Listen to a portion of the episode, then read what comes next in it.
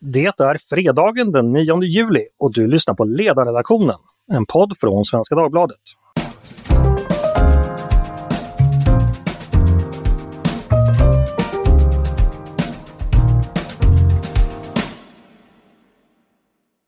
Löfven han gick och han kom tillbaka.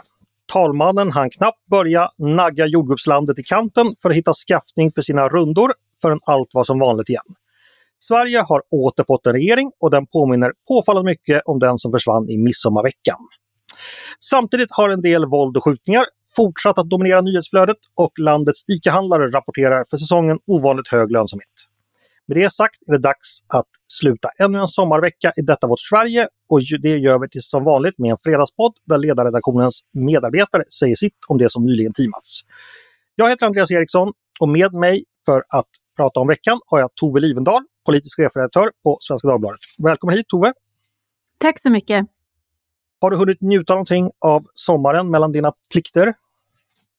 Eh, ja, jag har haft en veckas semester, men det kändes som om stämningen krävde att jag återgick i tjänst. Det var så väldigt mycket att kommentera. Den här sommartorkan dök ju aldrig upp, så att, eh, nu ska jag jobba ett tag till. Men det känns bra det också. Det låter klokt. Eh, med oss också har vi Paulina Neuding. Välkommen hit! Tack så mycket! Vad fyller du din tid med mellan skrivuppdragen? Eh, ja, det är väl hushållsarbete. Ja, det förstår jag. Eh, med, oss har vi också, mm. med oss har vi också en eh, nykomling i podden, nämligen vår sommarvikarie eh, Margareta Bar Barabash. Välkommen hit Margareta! Tack så mycket!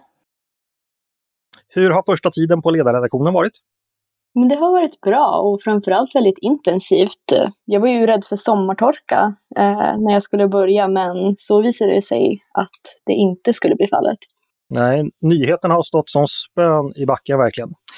Eh, sist men inte minst har vi med oss vår ständige Mattias Svensson, mannen som inte skulle svika sina libertarianska ideal om han så blev såld som slav, skjuten i en duell och fick sina båda njurar pantsatta. Välkommen hit Mattias! La la la la la la la la la la la la Nu kör vi igen! Hur mår du? Får jag fråga det? ja, det är väl bäst att du frågar och jag mår bättre än det kanske lät nyss. Det hoppas jag verkligen. Eh, vi börjar förstås med det faktum att Sverige då eh, sedan en kort tid tillbaka åter har en regering. Efter massa gräl och misstroenden och förhandlingar och omröstningar står vi här med exakt samma situation som vi började med. Tove, tänkte fråga dig, vad om något har egentligen förändrats under de här veckorna? Ja, om man tittar på eh, utfallet så är det väl, det är väl två saker. Det ena är det som Fredrik Johansson skrev i sin krönika häromveckan, att det har ändå blivit lite tydligare, tror jag, inte minst i den borgerliga identiteten hos både moderater och kanske inte minst liberaler, att man har i den här processen så har det blivit tydligt vilken sida man vill ställa sig på och det är liksom en, en borgerlig sida. Och det är inte dåligt. Eh, sen när man tittar på, nu har vi ju precis då fått en ny regering och det enda som är nytt, jag tycker det sammanfattades ganska väl av en person som heter Johan Olander på Twitter. Han skrev så här, Centerpartiet valde bort ett samarbete om landsbygdsfrågor för en regering utan landsbygdsminister.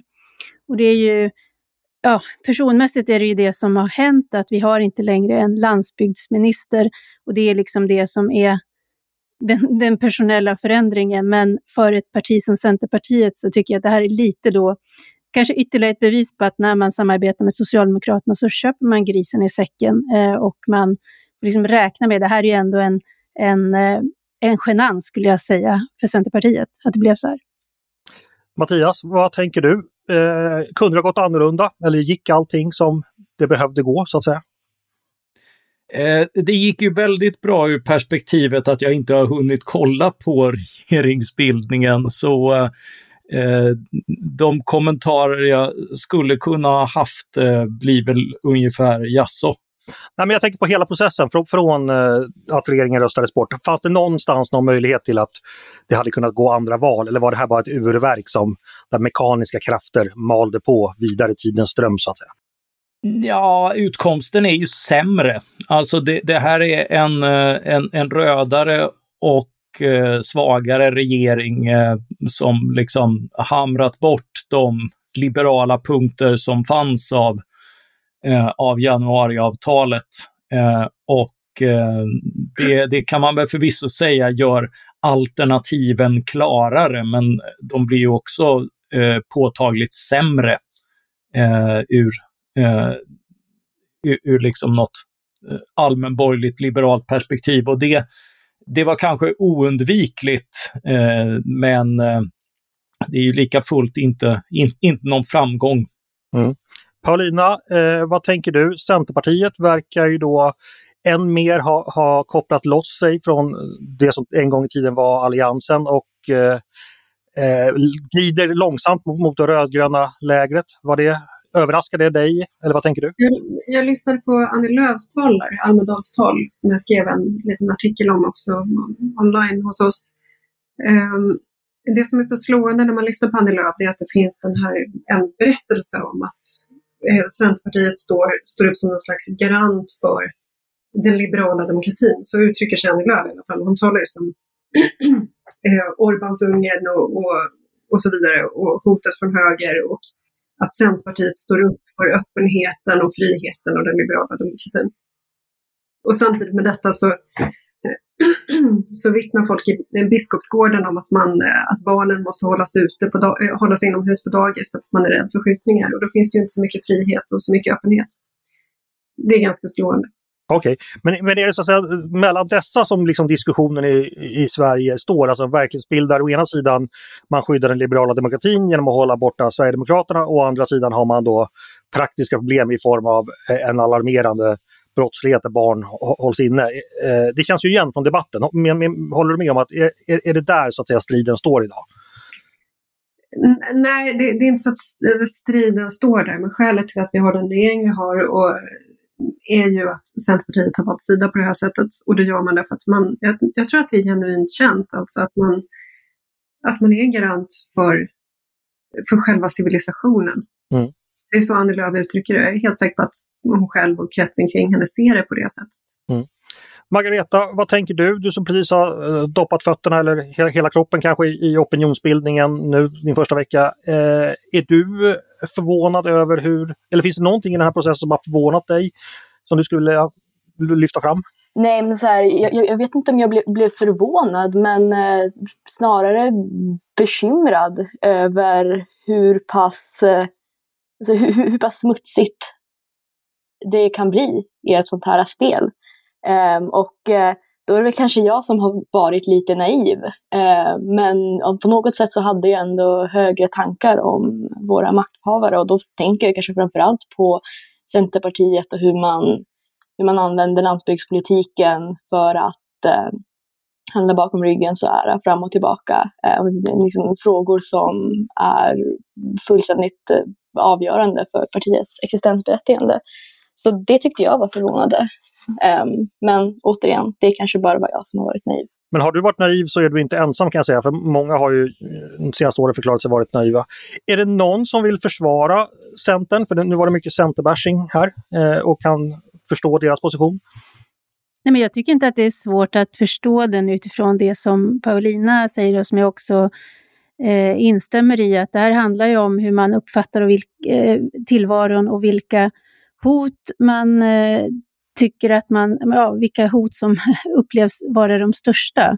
Så att jag tycker inte att det är svårt att, att förstå liksom intellektuellt vad det är som händer, men samtidigt så blir det ju återkommande så att partiet, eh, om man tar till exempel det som jag skrev om för några veckor sedan när man hade en, eh, debatten om ny utlänningslag i riksdagen, när det blir så att Centerpartiet röstar emot ett brett förslag som har gått igenom lagrådet utan anmärkningar eh, och som man själv tycker är ett bra förslag, så röstar man ändå emot det av just den här liksom beröringsskräcken för att komma i närheten av Sverigedemokraterna, så låter man bli att genomföra den politik som faktiskt låg beredd och kunde genomföras. Och det tänker jag i längden, oavsett hur goda intentioner man har, det beteendet eh, tror jag är skadligt för förtroendet för politiken som helhet. Att och jag hoppas ju att det är någonting som då kanske under det kommande året blir mindre av, att vi faktiskt mer kräver av partierna att dyker det upp förslag som ni står för, då måste ni rösta på dem. Eh, därför att annars blir det för långt emellan det ni säger och det ni står för. Mm. Jag kan i sammanhanget här tipsa om en diskussion vi hade i podden i onsdags då Benjamin Dosa från eh, den marknadsliberala tankesmedjan Timbro, tidigare MUF-ordförande, diskuterade med Hanna Wagenius, tidigare SUF-ordförande och numera ordförande för kommunfullmäktige i Östersund, eh, centerpartist då. Där just, vi diskuterade just de här frågorna och de eh, stod ju ganska långt från varandra. Men det var en ganska klargörande diskussion tyckte jag, i den mån sånt här någonsin kan bli klargörande. Så den kan jag rekommendera. Är det någon som vill säga någonting mer om just eh, regeringsbildningen och vad som följer av den? Eh, jag tänker snarast, vad händer nu framöver? Eh, Löfven ska fortfarande få igenom en budget. Det har ju sagts att eh, de som, hans regeringsunderlag kommer inte vilja förhandla den tillsammans som det låter. Tove, vad tänker du? Hur, hur kommer det landa? Eh, jag tänker att det ska bli underhållande, att Stefan Löfven kommer att få bli som René Nyberg när hon hade ett slags datingprogram på tv och folk fick sitta bakom en skärm och fråga varandra men de fick inte titta på varandra. Och då tänker jag att han får sätta upp sådana skärmar eller har små rum där han springer runt och tassar runt och frågar vad folk vill ha så att han sen kan lägga fram förslag som är förankrade men utan att någon då bakom de här skynkena sen kan säga att de har haft med varandra att göra. För det är så det måste gå till. Och det mm. blir underhållande. Eh, och sen så tänker jag att det finns en risk för att det inte går igenom en budget som han vill ha. Och då eh, väntar väl förmodligen, inte tror jag ett extraval, det tror jag kommer att försöka förhalas och undvikas, men möjligen en expeditionsministär fram till det ordinarie valet. Mattias, tror du också att vi får uppleva Tur i kärlek, tror jag programmet hette, eh, i, i höst där folk får sitta bakom skärm och prata med varandra? Ja, vi kan nog få uppleva en parafras på ordförande Mao. Varje regering har en budget, sin egen eller någon annans. Så kan det säkert bli. Eh, Paulina, har du några ytterligare tankar kring detta? Eh, nej, nej, jag har inte det. Eh, jag har, jag har liksom valt att, eh, att släppa det där. Eh, jag, det, jag, läste någonstans att politikerföraktet inte har ökat. Att det fanns någon sån undersökning och den, den ifrågasätter jag starkt. De har i alla fall inte frågat dig om ditt politikerförakt. Hörni, eh, vi ska hinna med annat än regeringsbildningen. För Paulina har ju då mycket riktigt eh, sysselsatt sig med helt andra och viktigare saker än svensk inrikespolitik. Eh, du har ju träffat den holländska eh, författaren Ayaan Hirsi Ali, vars senaste bok precis kommit ut i Sverige. En intervju med henne som du har gjort publicerades idag. Eh, den handlar om allt från eh, intervjun, alltså allt om sexuella övergrepp till, till musik. Vad tycker du själv var det viktigaste som kom fram i, i ditt samtal med Hirsi Ali? Eh, ett antal saker skulle jag säga. Hon har skrivit en bok som heter Pray på engelska, alltså Pray med E, eh, villebråd på svenska. Och som handlar om hur kvinnor Eh, utsätts för ehm, sexuella övergrepp i offentligheten, på badhus, på festivaler, på gator och torg i Europa och då efter migrationsvågen 2015. Och hon hävdar då att det, det finns ett tydligt samband mellan migrationsvågen och en ökning av den här typen av övergrepp. Um, Ehm, på det sättet som vi såg i Sverige till exempel. Jag citerar en undersökning från polisen 2016 efter att det hade kommit en massa larm om övergrepp på badhus bland annat. Man konstaterade att jo, det, det sker någonting i offentliga rum där, där män eh, när de opererar i gäng till exempel ger sig på kvinnor och då är det eh, väldigt ofta migranter, både nyanlända och, och inte nyanlända. Så att det finns någonting här, det är väldigt svårt att ta på, det är väldigt svårt att få tag på statistik, men det är någonting som Marianne och hennes researchers har ägnat sig åt de senaste åren. Och hon säger att jo, det, det finns ett klart samband mellan migrationsvågen och en ökning av en, en ny typ av otrygghet i, för kvinnor i offentligheten. Och vad är hennes slutsats i den mån hon har några? Precis, hon har ett antal slutsatser och det här är intressant därför att Ayaan Hirsi Ali är ju, hon är född i Mogadishu, hon kom som flykting till Nederländerna och sökte asyl. Och hon är ju inte motståndare till invandring på något sätt. Eh, däremot så tycker hon att migrationen ska göras om. Man ska vara bättre på att hitta människor som, kan, som har goda förutsättningar att integreras. Eh, och sen så vill hon se en annan integrationspolitik där man, ja, från mer avskräckande straff till eh, till utbildning om kvinnors rättigheter. Mm. Jag ska bara kort, vi, vi, ska prata mer om detta snart, men jag ska bara, Hirsi Ali är ju en person som jag tror många är ganska nyfikna på och som du antyder har hon ju själv ett fängslande livsöde. Hur är hon som person? Hur är det att träffa henne, prata med henne? Hon är väldigt, väldigt påläst och en väldigt intelligent person. Hon är väldigt snabb i huvudet. Det, mm. det är väldigt slående när man pratar med henne. Eh, och eh, hon har som sagt varit med om, om sitt. Hon är själv offer för eh, könsstympning. Hon lever sedan snart 20 år tillbaka under ständigt akut dödshot från islamister. Eh, det, det, är en väldigt speciell person. Mm.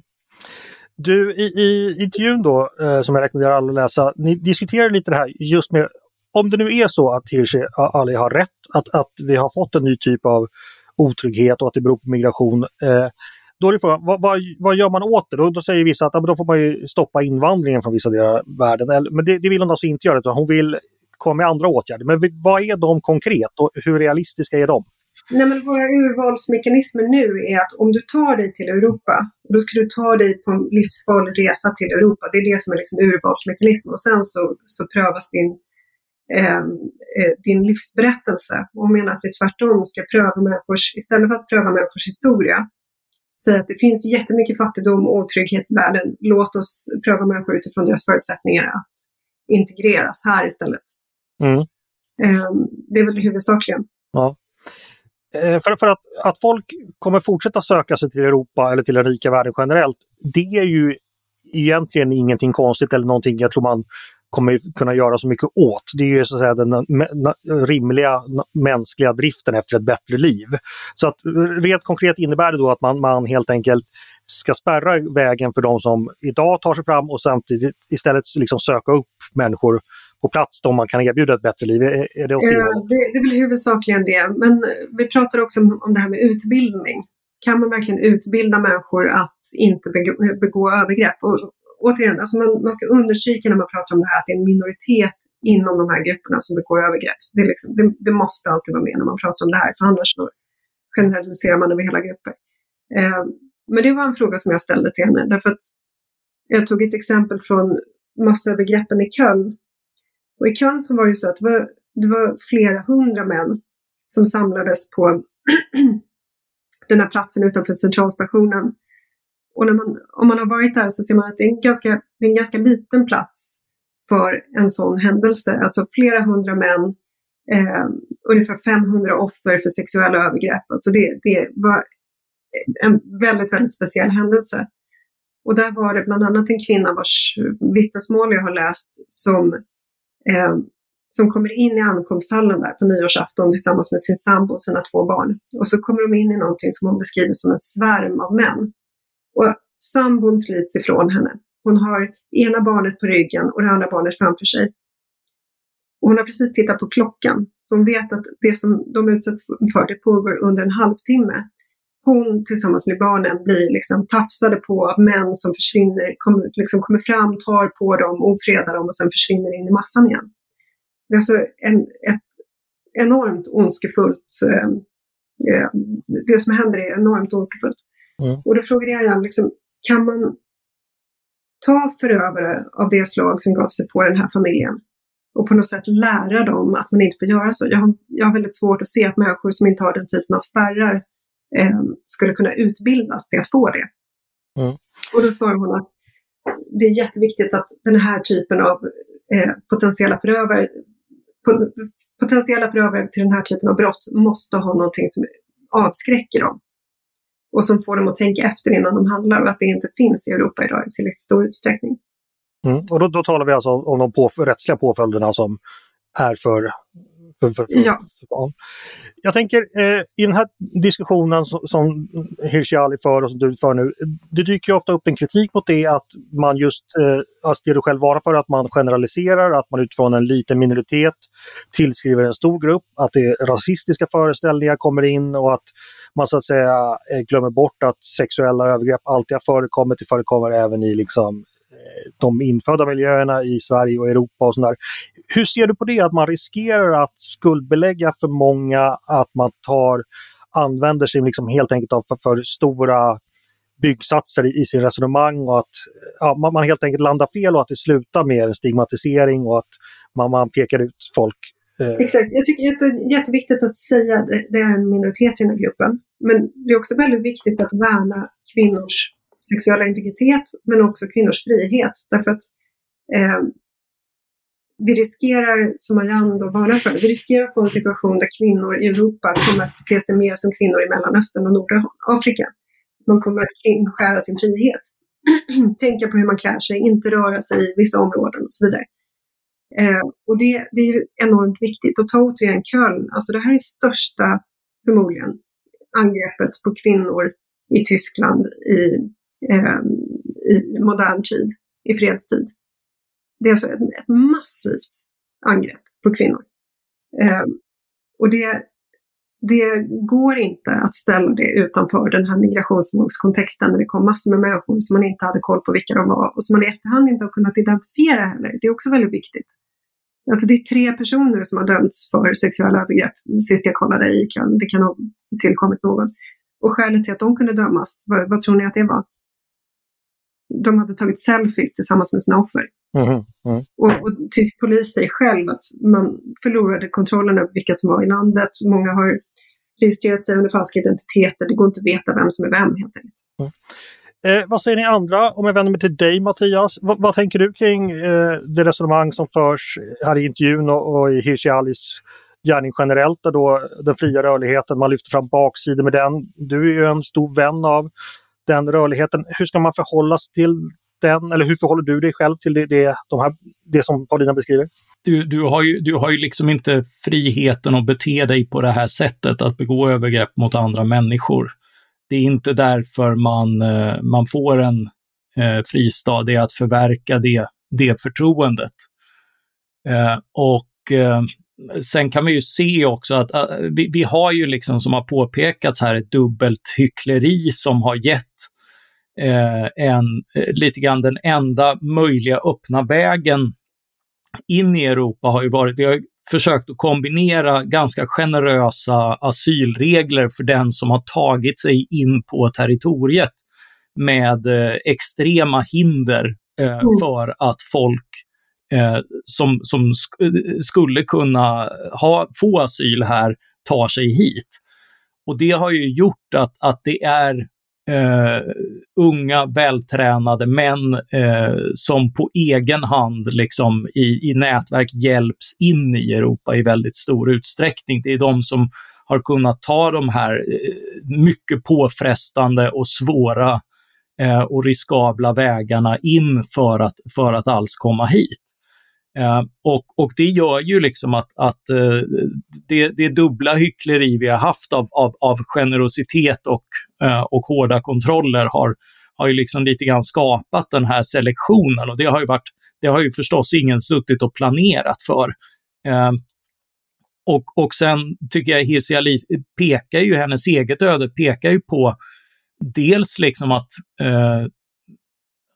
ja, vad, vad, vi vill ge en fristad för är ju snarare offren för det här, för de finns ju inte bara i, i Europa där det här är eh, ett, ett nytt och möjligen växande fenomen, utan det är ju framför allt eh, vardag och ett helt okej okay sätt att, att bete sig på andra ställen i världen, eh, som till exempel eh, Hirsi Ali har flytt ifrån. Mm. Eh, och det, det, det ställer ju frågan liksom vilka, vilka är det vi eh, vill hjälpa och, och, på vilka sätt ska, ska man kunna hjälpa andra som hon själv tar upp. Mm. Eh, men, men det är ju också en fråga om, alltså dels straff eh, förstås för beteenden, men också kultur, alltså sånt som eh, Mustafa Panshiri heter han va, eh, med afghanskt ursprung, som har varit runt och pratat om det här. Alltså jag tror ändå att en, en hel del handlar om att, att liksom inte bygga upp förväntningar, att, att krossa föreställningar om vad som är okej. Okay. Alltså vi vet att den typen av, av normer är ganska rörliga och, och påverkbara i, i omgivningen. Och, och, men det kräver ju att man ser och konfronterar dem. Mm. Mm. Ja, jag nämner också Mustafa flera gånger i boken som en förebild. Mm. Tove, vad väcker det här eh, för tankar hos dig när vi diskuterar det? Ja, det är ju en, en, eh, så här, jag, säga, en, jag vet inte vad jag ska använda för ord. Det är ju liksom en vrede på något sätt över det här som Mattias beskriver, det här med hyckleriet men också sveket skulle jag säga. Därför att när vi argumenterar för att människor ska kunna få en fristad i Sverige så gör vi det utifrån en föreställning att här är det frihet. Eh, här eh, råder kvinnofrid, här be betraktas män och kvinnor på ett jämlikt sätt. Det här är ju, eh, att det här får fortgå är ju ett svek mot kvinnors frihet. Som, det är liksom sånt flagrant brott emot de här fina talen. Och där är det ju, eh, jag menar, jag vet att man, man, ibland så blir det också för mig så där för mycket mässande om ordning och reda i alla system, men det är ju ändå så att om rättsstaten ska kunna fungera, då måste man ha koll på vilka som är i landet, för annars kan man inte ställa någon till svars om någon begår eh, ett brott till exempel. Så att det, det, är på så många plan som detta har havererat. Och det är ju också det finns ju, tycker jag, eh, vi vet ju hur det, hur det kan se ut i det goda fallet. Det finns fantastiska berättelser om både män och kvinnor som i Sverige har kunnat få en helt annan utveckling eh, än vad de hade i sina hemländer och där de kom ifrån. Men om det ska vara möjligt, då måste Sverige fungera i de här delarna. Och eh, det här är ju då som eh, skrivs i Ayan Hishalis bok eh, och som jag också anmälde på internationella kvinnodagen, det är ju inte bara ett svenskt fenomen, utan det här är ju ett större fenomen. Men Sverige har kanske mer än andra länder tagit på sig en svansföring, en moralisk svansföring som är liksom högst av alla och eh, har inte lyckats bättre än något annat land på att också eh, ge det löfte som man säger att man vill ge. Så att det här är, det är ju en... Ja, det, det väcker en vrede skulle jag säga över att det är återigen då ett område där politiken pryder sig med fina ord men i praktiken sviker personer på fundamentalt sätt. Ayan pratar ju mycket om Sverige också, som hon har granskat väldigt mycket. Hon tar upp den här broschyren till exempel till dig, information till dig som är gift med ett barn. Mm. Eh, som ett exempel på hur man kanske inte ska agera. Mm. Och hon säger att det, alltså knäppa för saker förekommer i alla länder, men att Sverige sticker ut som extra knäppt. Hon, mm. pratar om en naivitet av olympiska dimensioner. Men Paulina, jag tänker så här, den här boken nu som kom på svenska, eh, hur tror du den kommer tas emot i Sverige? Kommer den eh, få påverka någon här eller hur, hur, kommer diskussionen se ut tror du? Ja, alltså det finns väl två, två eh, varianter här. Antingen så tiger man eller så så eh, kastar man runt eh, rasismanklagelser. Det kom en eh, recension i Expressen nu av en genusvetare som, som kallar Jan Hirsiani för rasist. Um, jag tyckte inte det var speciellt väl underbyggt. Det var mer liksom att kasta, kasta invektiv omkring sig. Mm. Uh, jag, hoppas att, um, jag hoppas att det kan bli en bra, um, bra diskussion. Hon har ju också intervjuat så många andra. Så Ivar Arpi har intervjuat henne, Jörgen Wittfeldt har intervjuat henne i Kvartal. Eh, vi hade en recension i Svenskan av Ricky Neumann tror jag i kulturdelen. Så att det, jag hoppas verkligen att folk läser boken och bedömer själva. Mm. Då får vi rekommendera det, våra lyssnare. Det är ändå skrivet av en världsledande intellektuell och borde ju kunna bedömas på sådana alltså, meriter kan man ju tycka. Ayan Hirsi skulle vara intressant bara på basis av sitt livsöde. Men det här är också mm. en person som är så här, har undervisat om islam på Harvard i flera mm. år. Mm. Eh, hon är nu vid Stanford. Alltså det, här är inte, det är ingen lättviktare som man kan, eh, som man kan vifta bort bara, utan läs boken och gör en egen bedömning. Ja, det får bli rekommendationen till alla lyssnare då. Eh, vi ska gå vidare eh, och då tänkte jag vända mig till dig Margareta. Eh, I veckan har ju landets Coop-kunder fått vända i dörren då butikerna hållits stängda på grund av ett IT-angrepp som drabbat kassasystemet. Eh, och det har fått dig att skriva en text eh, med vissa varningar där du bland annat konstaterar att Sverige ligger riktigt dåligt till i internationella jämförelser när det gäller eh, just IT-säkerhet och, och, skydd mot IT-angrepp. Eh, vad, vad, finns det att säga om det? Vad innebär det här för Sverige att vi är dåliga och vet vi varför vi, vi är så dåliga?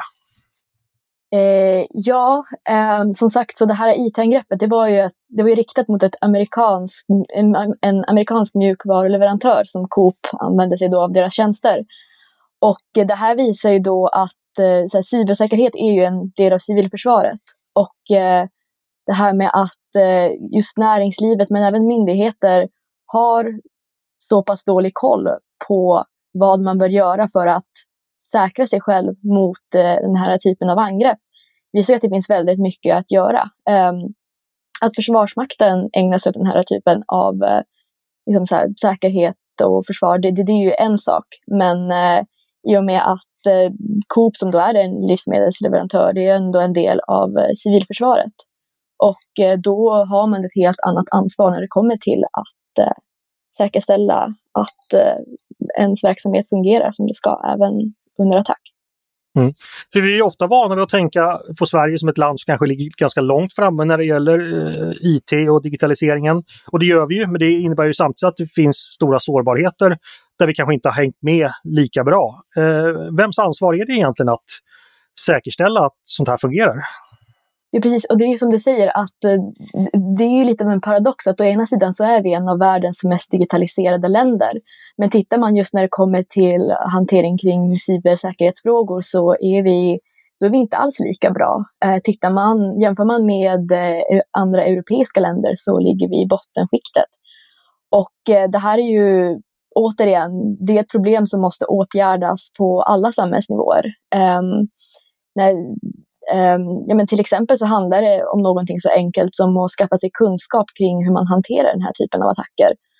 Ehm, både när det kommer till liksom, myndigheter och näringsliv. Och eh, självklart så har ju staten och försvaret en viktig roll i det här. Men det handlar likväl om att eh, mindre aktörer tar sitt ansvar. För att även en liten aktör kan eh, skapa stora alltså stora svajningar i hela infrastruktursystemet om det skulle hända någonting.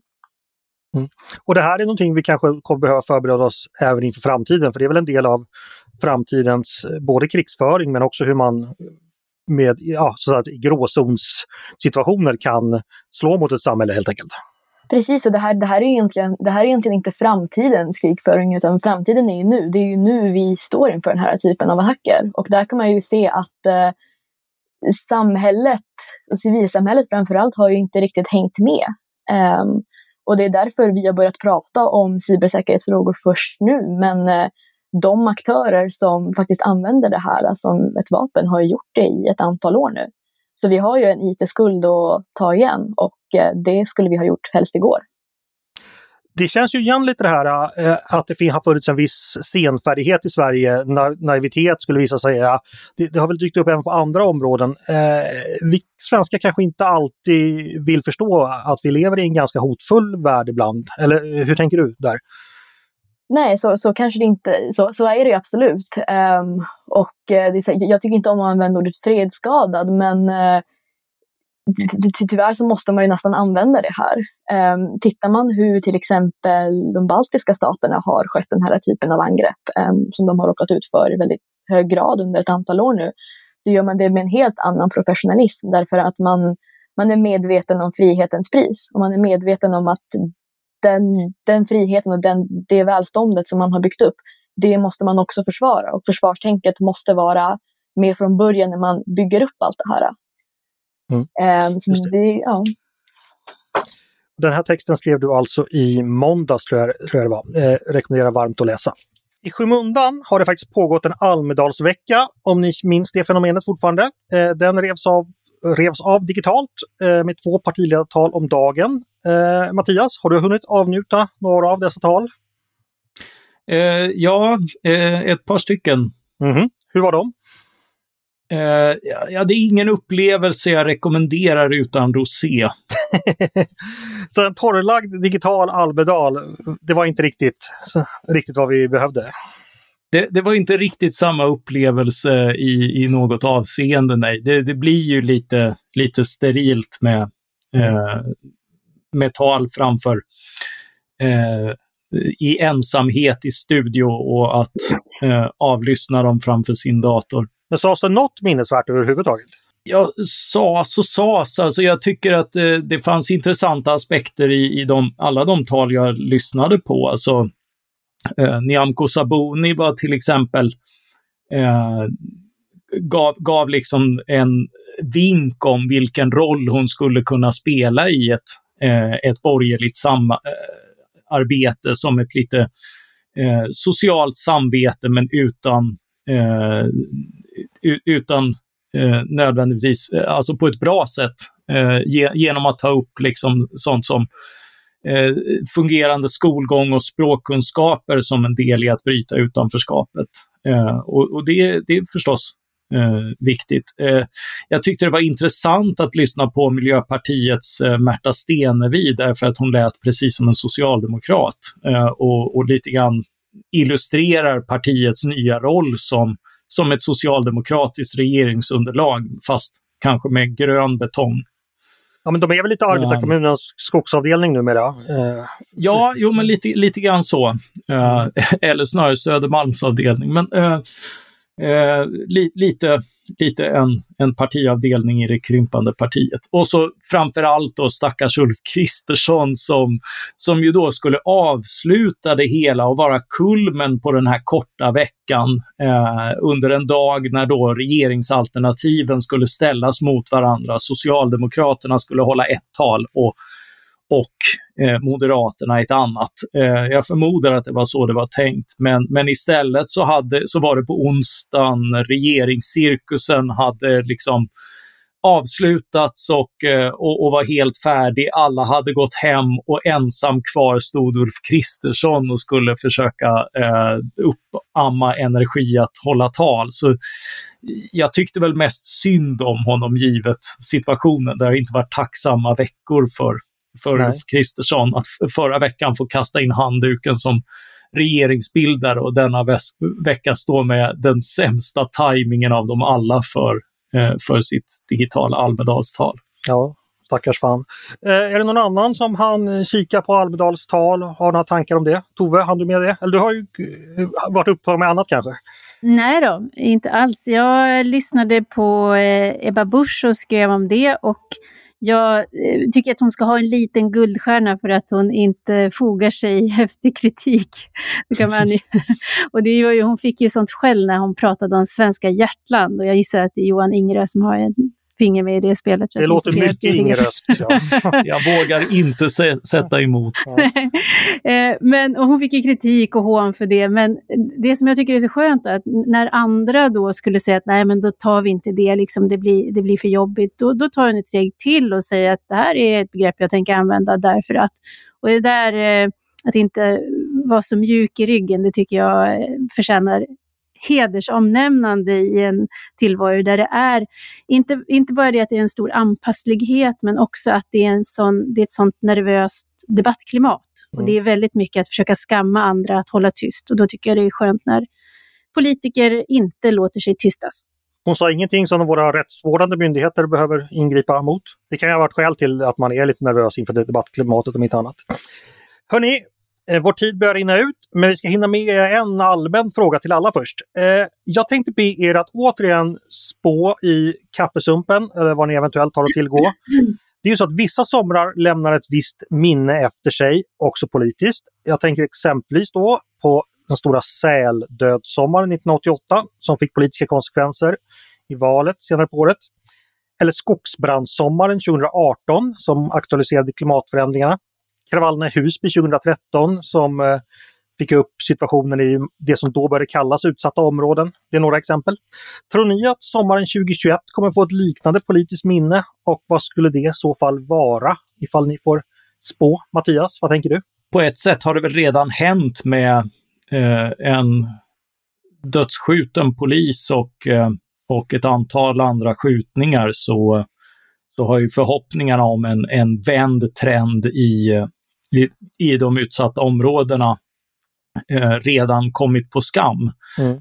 Eh, så, så det är ju redan en, eh, en, en, en, stor och definierande händelse som, eh, som kommer att vara med oss Uh, och sen har vi ju pandemin förstås, där, där skulle väl liksom den, i båda fallen skulle det bli en nyhet om hälsan teg still under resten av sommaren. Att, att vaccineringarna fortsätter och, och, sjukdomen är på tillbakagång och att, att, att utbrottet av, av skjutande inte fortsätter. Mm. och det kan man ju förstås önska sig, men det är, det är väl i, särskilt i det senare fallet Eh, en rätt stor dos av önsketänkande. Margareta, vad tänker du att kommer finnas kvar av sommarens politik när höststormarna sätter in så småningom i september-oktober? jag tror att eh, den stora politiska frågan från den här sommaren är ju egentligen inte regeringskrisen, utan det är att vi har fått vaccin. Eh, tittar man på vad de vanliga människor bryr sig om så är det ju inte att det har varit kaos i regeringen, utan det är att man har äntligen fått friheten tillbaka. Man har kunnat sitta på uteserveringar, man har kunnat krama om sina nära och kära, man har kunnat vara sig själv igen. Så det är nog det som är det stora. Det är sommaren som friheten kom tillbaka. Det, det, det är vackert tänkt och förmodligen ligger det mycket i det. Paulina, eh, vad gör du för prognos här? Jag tror som Mattias att det är, det är nog det här polismordet vi kommer minnas. Mm. Ehm, det, är, det är så många som jag pratade med efter det som bara kände var liksom drabbade av den här kollektiva sorgen. Så jag tror inte att vi glömmer den händelsen. faktiskt. Och Tove, slutligen, vad tänker du här? Jag tror att här finns det en skillnad mellan eh, verkligen det här att vi är olika världar lite grann och eh, jag tror tyvärr, eh, om jag då, att det som Mattias och Paulina säger, jag håller ju med om det. Men eh, jag tror att det har redan liksom dykt upp för många stoppklossar i vägen för att också diskutera systembristerna som leder fram till det här, utan det blir liksom en enskild tragedi och det kommer att tyvärr bli fler enskilda tragedier. Eh, så att eh, jag skulle önska att eh, den här personen inte hade behövt plikta med sitt liv med mindre än att det verkligen blev en vändning efter detta. Men jag är rädd för att i den politiska världen så kommer det här att bli regeringskaos-sommaren som sitter kvar och inte det faktum att en polis sköts till döds. Mm. Med det så är det dags att börja avrunda. Jag tänkte bara fråga er eh, vad ni ska hitta på i helgen eller ifall ni har några tips till våra lyssnare vad man kan ta sig till den här helgen som är den sjätte efter trefaldighet. Eh, vad säger du Tove? Vad har du för planer? Ja, men eh, man får väl dra sitt strå till stacken då när vi inte har någon person i regeringen som eh, är dedikerad för landsbygdsfrågorna. Så jag ska göra mitt. I, ikväll så inleder jag helgen med att gå på sojdesbränning i en av gårdarna här på den gotländska landsbygden och det innebär att man framställer träkära. Det är en stor bränningsprocess. Och imorgon ska jag faktiskt då delta på en slotter av ett Gotlandsänge, så att det blir mycket vård av den gotländska landsbygden för min del i helgen. Både hembränning och slotter. Eh, Mattias, vad säger du? Vad ska du göra? Eller har du något tips man kan hitta på? Eh, ja, jag ska gå på fotboll, det får man ju göra nu. Eh, så jag ska se AIK i helgen och det har jag längtat efter. Ja, det vet vi. Det var, det var kul för dig. Mar Mar Margareta, har du någonting du kan tipsa om som man kan göra i helgen? Ja, men till exempel om vi går tillbaka till det här där jag sa om att få friheten tillbaka, det är att om det är fint väder, ta ut till en uteservering, ta en kall öl, ta igen den skulden och kolla fotboll såklart. Just det. Och Paulina slutligen, vad kan du tipsa om för aktiviteter inför den helg som stundar? Nej, men jag, jag blev väldigt nyfiken på fotbollen. Vilka är det de möter, Mattias? Varberg, så det är en, en nästan lika stor match som på söndag. Vad är det för match på söndag? Det är alltså i EM-final. Jag tänkte fråga Paulina, vad är det för match på söndag? ja, just det. Ja, men det vet jag. Och, och det här sänds på tv alltså, Mattias, eller? Eh, ja, det gör det förvisso om man har rätt kanaler, men eh, framförallt så kan man gå och vara där på riktigt och det har man inte kunnat på, på ja, snart två år. Mm. Men hörni, vad bra. Det låter som ni alla har härliga helgplaner eh, framför er. Eh, tack för att ni var med och pratade idag. Tack Tove! Tack Andreas! Tack Paulina! Tack så mycket! Tack Mattias! En ära som alltid. Och tack Margareta! Tack så mycket! Och tack till er som har lyssnat. Eh, jag hoppas att ni tyckte det var intressant. Eh, ni har som vanligt då lyssnat på Ledarredaktionen, en podd från Svenska Dagbladet. Hör gärna av er med tankar och synpunkter på det vi har diskuterat. mejla då oss på ledarsidan svd.se. Dagens producent har varit Jesper Sandström och jag som pratar nu heter Andreas Eriksson. Jag hoppas att vi hörs igen snart, förhoppningsvis redan nästa vecka. Hej då så länge!